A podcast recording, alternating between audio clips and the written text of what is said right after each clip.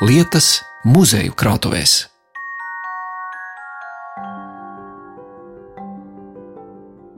divi dažādi laika posmi un divas dažādas jaunradas - dziesma un deja un to liktenis caur vēsturiskām partitūrām. Tas ir virsraksts šim raidījumam.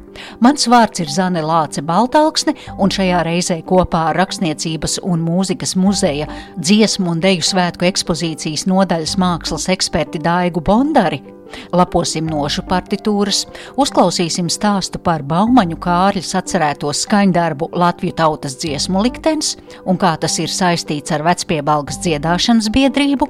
Un skatot komponistas Elgas Igenbergas rokrakstu uz nošu lapas, uzzināsim, kā tapa viena no skaistākajām skatuves dejām pie Daugavas. Vecpiebalgs draudzes skola tā laikmetā no dziedāšanas biedrības dibināšanas līdz Kronvalda miršanai bija tik pievilcīga sadzīves vieta, ka otra tāda nav domājama. Tur skanēja dziesmas, tur sarīkoja mīlestus, tur izrādīja pirmās lūgas, bija sarīkošanas vieta diviem pirmiem baznīcas koncertiem kopā ar neaizmirstamo trikātas vīru kori. Tur tika turēti dažādi priekšlasījumi, tur lielākas un mazākas skolotāju sapulces, tur literāriski vakari, tur neskaitāmi sadraudzības un jautrības brīži, nesazāļots, spirktas dzīvības pilns avotas traucs.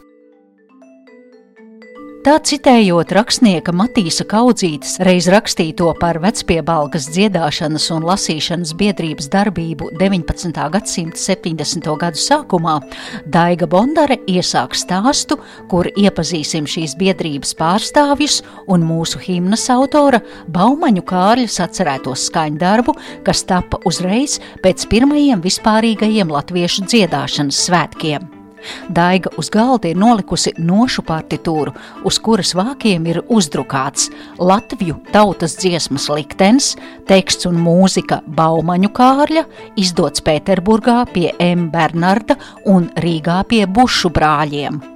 Uz vāka augšpusē rokraksts augsti godājamai Karolīnai Rātminderai Jaunkundzei no Kronvaldiem pirmo vispārējo latviešu dziesmu svētku teiksim, ierosināts visas šīs pārdomas un tās emocionālais pārdzīvojums, kas Baumaņa Kārlī radās, viņu mudināja uz karstām pēdām, kad viņš atgriezās Pēterburgā no Rīgas. Sacerēt tādu plašu duetu tautietei un tautietim Latvijas tautas dziesmu liktenis.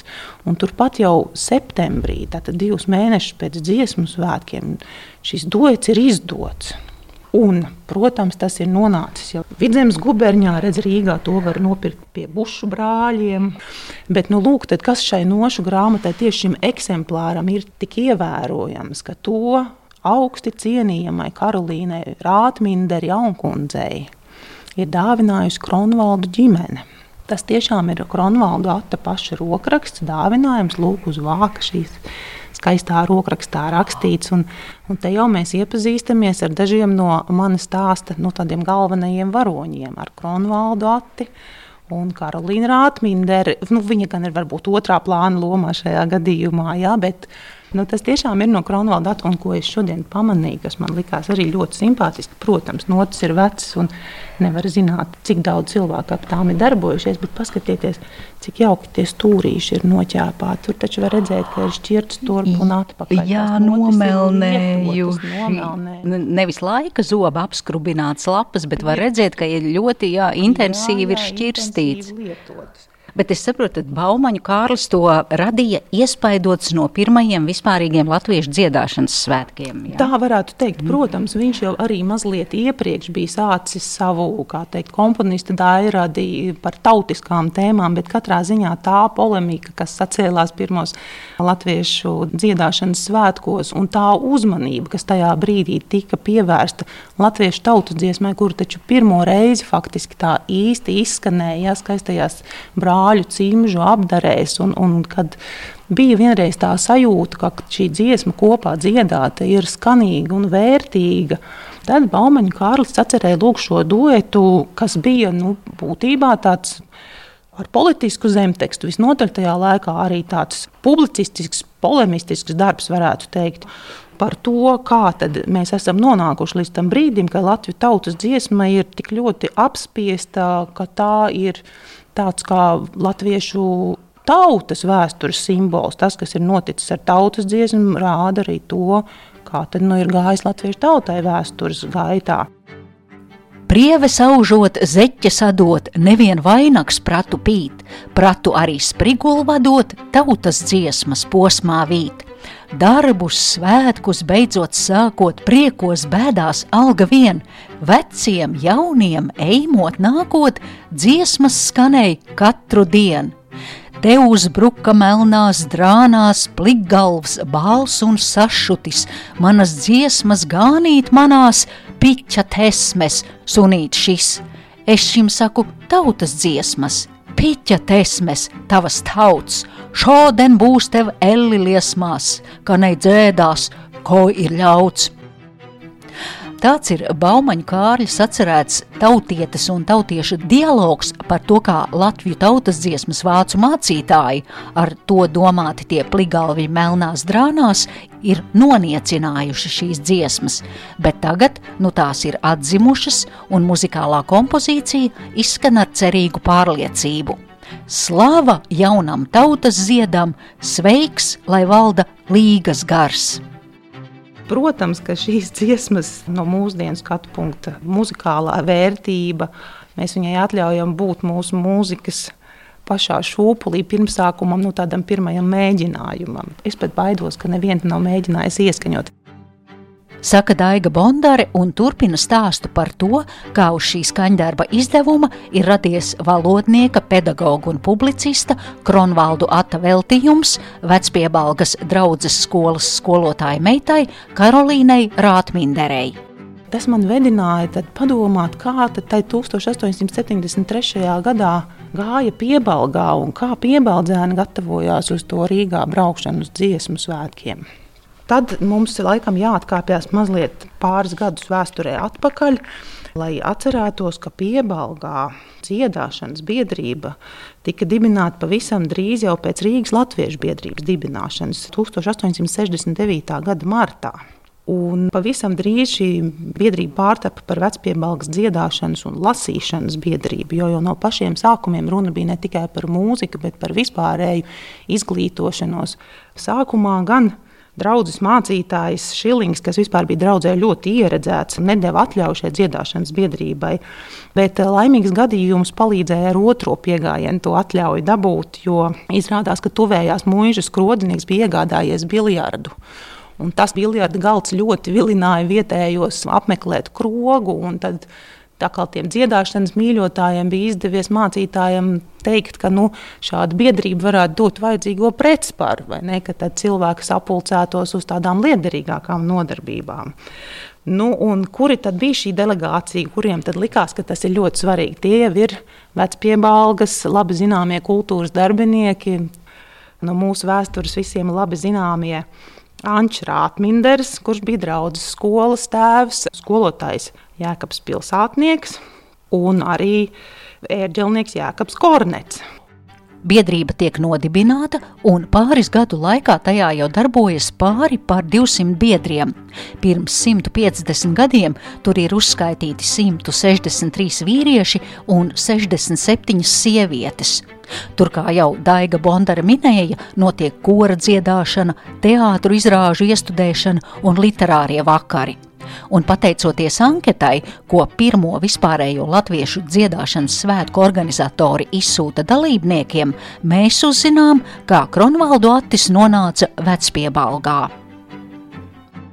Mēs varam anketā, ko Rīgas Latviešu biedrība piesūta anketas visiem koriem, kas ir pieteikušies, jo grib par šiem koriem uzzināt ko vairāk. Un te mēs tādas interesantas ziņas atrodam, jo ir jautāts, piemēram, un te Jākabs pilsētnieks, būdams anketas aizpildītājs, ir ļoti, ļoti skrupulozi. Rekā. Jautājums, vai šī biedrība jau kādu koncertu devusi? Un kur un kādam mērķam par labu?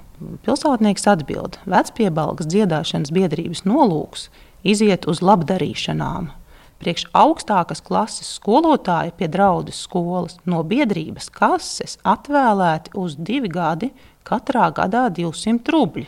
Bez tam vēl pēc tiem diviem gadiem pēc iespējas piepalīdzēsim. Nu, par ko šeit ir runa? Šeit ir runa par to, ka piebaldzēni bija nolēmuši, ka viņu draudzes skolai ir vajadzīgs turpinājums, ka ir vajadzīga tās augstā, augstākā klase, kur mācītu vēl papildus zinības tiem piebalgas jauniešiem, kuri tad vēlētos turpināt savu izglītību augstākās mācību iestādēs, un šo izglītību vēl vajadzēja papildināt.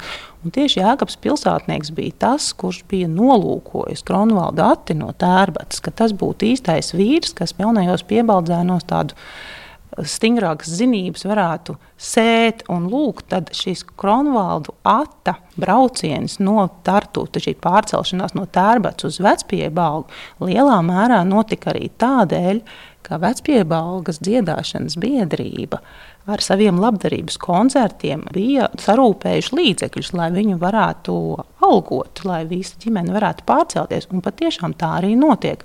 Kronvalda Attis pārbrauc uz Vespiebalgu pārceļus. Tātad pavisam īsu brīdi pirms tiem pirmajiem dziedāšanas svētkiem. Un kopā ar vecpiebaldzēniem viņš arī brauc uz Rīgu nonāk tur visos dziesmu svētku notikumos. Jā, bet kāpēc tas Kronvaldu, vai tas ir Atis vai viņa visa ģimene, ka jā, viņa dāvināja Karolīnu? Es domāju, ka tur bija tieši tāda cieša kopā būšana, jo um, abas ģimenes dzīvoja draudu skolas ēkā.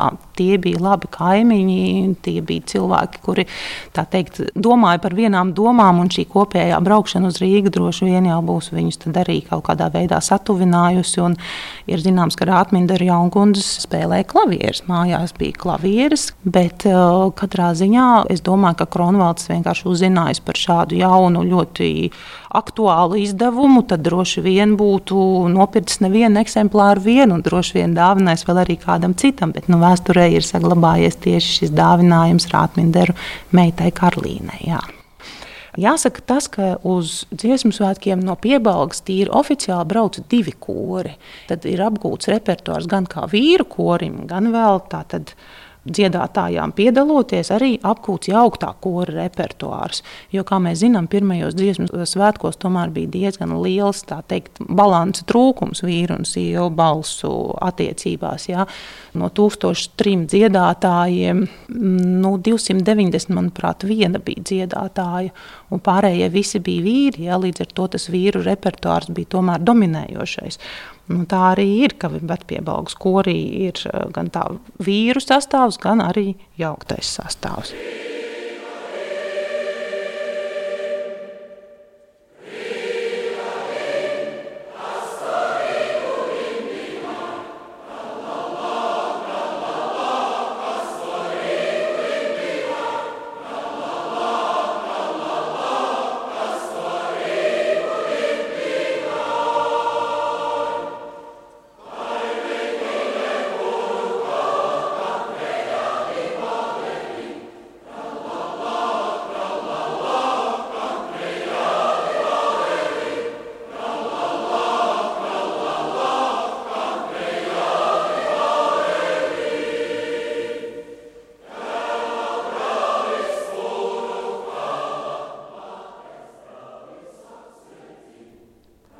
Bet stāsts par to, kā rosīgā vecpiebalgas dziedāšanas biedrība atstāja nospiedumu Latvijas kultūra vēsturē vēl nebeidzas. Pašlaik meža pērka estrādē var aplūkot ekspozīciju dziesmu svētku telpa, kurā ir redzama sena fotografija ar vecpiebalgas jaukto kori. Kāds neparasts atklājums ir šajā attēlā, par to turpina Daiga Bondare. Gatavojot mūsu ekspozīciju, mēs apzinājām mūsu krājumā arī vecpiebalgas, toreiz jau labdarības biedrības kora attēlu, kurš mums bija datēts tā, nu, 19. gadsimta 70. un 80. gadi. Nu, tā diezgan aptuveni. Un gatavojoties ekspozīcijai, mēs tomēr vēlējāmies mazliet tā konkrētāk saprast, kas tad ir tur redzams. Redzams ir kaudzīts matīs. Un es, būdama jauna muzeja darbiniece, griezos ar lūgumu pēc padomu pie mūsu muzeja ilgadīgās krājuma glabātājas Baibas Āboltiņas. Vai varbūt viņai ir kāds pavadiens, nu kā mēs varam to fotografiju labāk datēt. Un mazliet padomājusi, Baiba Abultiņa man uzrakstīja e-pastu, kurā, un šis man ļoti patīk, šis ir tāds brīnišķīgs detektīvu darbs, un man liekas, ka tas ir vienkārši spoži veikts Vai Bābotiņa izstāstīja savu domu gājienu. Un viņa raksta, pētīja to bildi, un kaut kas man likās tāds kā neloģisks. Parasti senajos attēlos fotogrāfs mēģina izcelt svarīgāko, galveno. Šajā bildē viss kā ierasts. Diriģents Kornets pozē pie pults, Oristu grupa nošu grāmatas klēpī, viss labi, arī kā parasti. Augšā pie karoga kaudzīts Matīs no vienas puses un Jākaps Paulīts no otras puses. Abi tā kā turētu karogu kātu, tā kā turētos pie tā. Nu, lūk, tādā veidā Baiba Aboltiņa iztecināja, ka hmm, kaut kas ar to karogu tāds interesants un, un neparasts. Parasti taču, kad kurs fotografējas ar karogu, būtu jau jābūt tā, ka tas karogs ir redzams un tas kāds ir noslēpts. Tā, nu, kāti, protams, arī ir brīnišķīgi reizēm amatnieku darbi, bet nu, vai nu taisni kā tam pa priekšu būtu jābūt. Un jāaizsedz visi skaistie uzraksti un, un raksti. Bet tad nu, izrādās, ka galvenais šai bildē nav viss tas koris un tas diriģents un varbūt pat tas karoks, bet tieši tas kāds un kāpēc. Visticamāk, tāpēc, ka trešajos dziesmu svētkos, kur vecpiebalgs jauktais koris piedalījās un dziesmu karā ieguva balvu, šī balva bija tieši karoga kāds. Un tad, lūk, nofotografējoties pēc dziesmu svētkiem, vajadzēja to bildi taisīt tā, lai tas kāds būtu labi redzams. Tad visi zina, ka tas kāds ir godam nopelnīts, skaists un, un ka kurs šim gadījumam par prieku arī lūk, tad nu ir nofotografējies.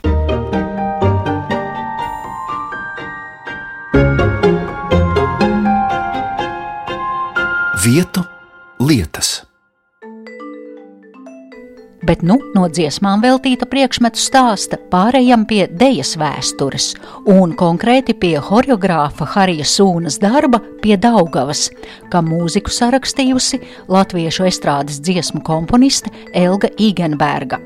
Deja, kas iestudēta 1956. gadā toreizējam Latvijas valsts universitātes deju ansamblim, vēlāk zināmam ar nosaukumu Dāncis, gatavojoties sestajam vispasaules studentu un jaunatnes festivālam Maskavā. Mana izvēle apstājās pie komponistas Elgas Igenbergas rokraksta. Tāda vienkārša nošu lapas ar parasto zīmuli, virsraksts pie Daugavas šis daudziem dejotājiem ļoti labi pazīstamās, domāju, arī skatītājiem ļoti labi pazīstamās Harijas Sūnas choreogrāfijas nošu rokraksts, tad man arī pavēra veselu stāstu ar daudziem latviešu kultūrā labi pazīstamiem varoņiem. 1956. gadā Latvijas Universitātes, toreiz Latvijas Valsts Universitātes deju kolektīvs, kas toreiz vēl nesaucās Dancis, svinēja savu desmito gadsimtu. Šī deju ansambļa vadītājs tolaik tikai gadu vēl bija Harijs Sūna. Jaunais arhitekts, kurš tomēr nekad arhitekta profesijā nestrādāja, jo saprata, ka viņa galvenā mīlestība, aizraušanās un dzīves piepildījums ir latviešu tautas dēļa. Viņš pats, starp citu, būdams vēl jauns students, bija stāvējis pie šī ansambļa Šūpuļu, viens no pirmajiem dejotājiem, un nu, lūk, kopš 1955. gada arī tā vadītājs ir šī desmitgadu jubileja, un pilnīgi noteikti ir vajadzīga kāda jaundeja. Harijs Sūna uzrunā tobrīd vēl pavisam maz pazīstamu komponistu, toties jau zināms, ka lielisku pianisti Elgu Igenbergu, un abi kopā viņi rada mūziku, Dejai tādai, kā to redz Harijs Sūna, ko viņš gribētu teikt, parādīt, kāda mūzika viņam būtu vajadzīga. Elga Igenberga ir laba melodiķa, viņa ir lieliska improvizētāja. Tā tad uh, top mūzika šai dejai, top choreogrāfija, bet, kā mēs lasām pēc tam daudzās atmiņās, Harijs Sūna nav īsti apmierināts. Viņam kaut kas pietrūkst. Pat atradu avīzē tādu ļoti, ļoti tēlainu aprakstu par šīs idejas tapšanu. Autors staigāja sadrūmis, dejotāji nezināja, kā viņam izdabāt, līdz kādā jaukā dienā izrādījās, ka viņš pats uzrakstīs arī tekstu, un ka tagad pie Daugavas nav deja viena, bet arī dejas dziesma. Jā, man liekas, ka tā ir tāda brīnišķīga epizode, kas uh, vienkārši liecina par to, cik ļoti dziļi viņš bija tajā savā dēļas darbā. Un ka lūk, šādā brīdī, kad viņam liekas, ka ir noteikti vajadzīgs teksts, un ja nav neviena, kas izdara to labāk, viņš pats ķeras un dara. Un īstenībā ir, ļoti poētisks un skaists teksts, kurš ar visu kolhozu pieminējumu šodien vēl joprojām netraucē. Tas tiešām ir dzimtās zemes un Daugavas skaistuma apdziedājums, jaunu cilvēku cerību pilns nākotnes dziesma.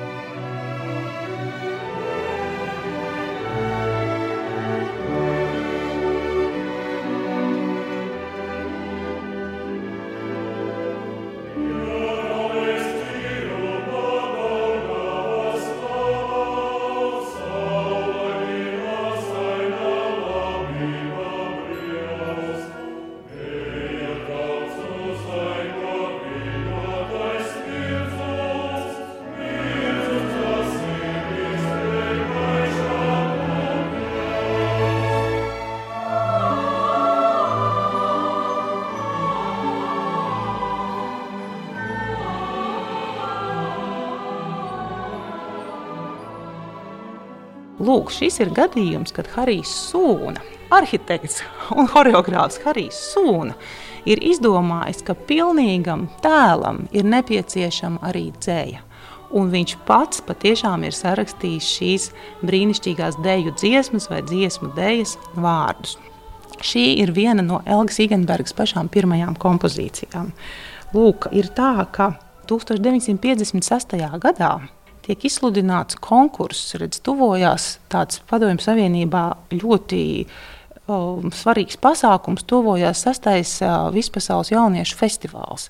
Un, lai tam sagatavotos, tad nu, tiek uh, izsludināti konkursi dažādām dziesmām un dejām, pirms šī konkursa vēl ir jāsarīko vissavienības konkurss, un tā arī ir liela lieta. Tad Lūk, Elga Igenberga saraksta vairākas dejas gan šim festivālam, Harijs Sūna izveido horeogrāfiju, Un mēs zinām, ka šī varētu būt arī viena no agrīnākajām Elgas Igenbergas kompozīcijām. Pie tam pirmais nosaukums šai dejai ir Daugavas valsis. Tāds nosaukums pie Daugavas vēl nav. Ir Daugavas valsis, Un tam jāpievērš neliela uzmanība. Valsis, mēs runājam par latviešu skatuviskās tautas dejas zelta fondu. Mēs runājam par vienu no skaistākajām un pazīstamākajām dejām. Un es gan esmu muzikoloģija, bet man jāsaka, ka es neiztēlojos pārāk daudz valsts. Es nevaru iedomāties latviešu tautas dejā. Tā tad ir šis valsis, intonācijas, kuras nebūtu nebalstās folklorā, Tās ir šādas līganas valšu intonācijas, kuras, protams, ļoti labi atbilst dziesmas pamattēlam. Nu, tā tad Daugavas un drūvu viļņošanās nu, valsts ir ļoti piemērots. Un tomēr Harijs Sūna, kurš ir viens no nu, visdziļākajiem latviešu deju folkloras pazinējiem, viņš ir pratis atrast tās kustības un to tēlu, kādēļ, es domāju, mums vēl šodien dēļa nu, liekas dziļi latviski, kādēļ tā vēl joprojām ir repertuārā. Šogad šajos dziesmu svētkos tā uh, netiks dejot, bet uh, labāko tautas deju ansambļu repertuārā šī deja ir vēl joprojām.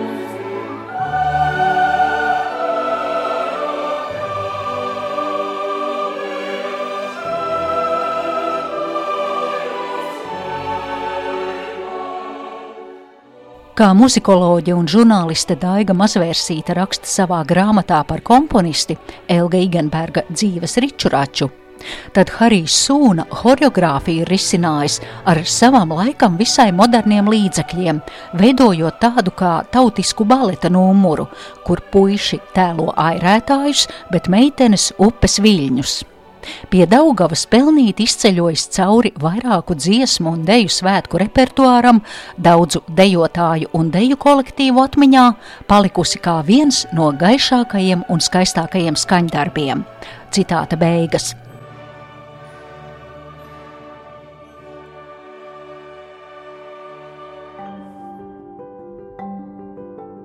Ar to arī izskan šis dziesmu un deju svētkiem veltītais stāsts, kuru stāstīja Rakstniecības un mūzikas muzeja dziesmu un deju svētku ekspozīcijas nodaļas mākslas eksperte Daiga Bondare. Raidījumu veidoja Zane Lāce Baltāksne. Vietu lietas.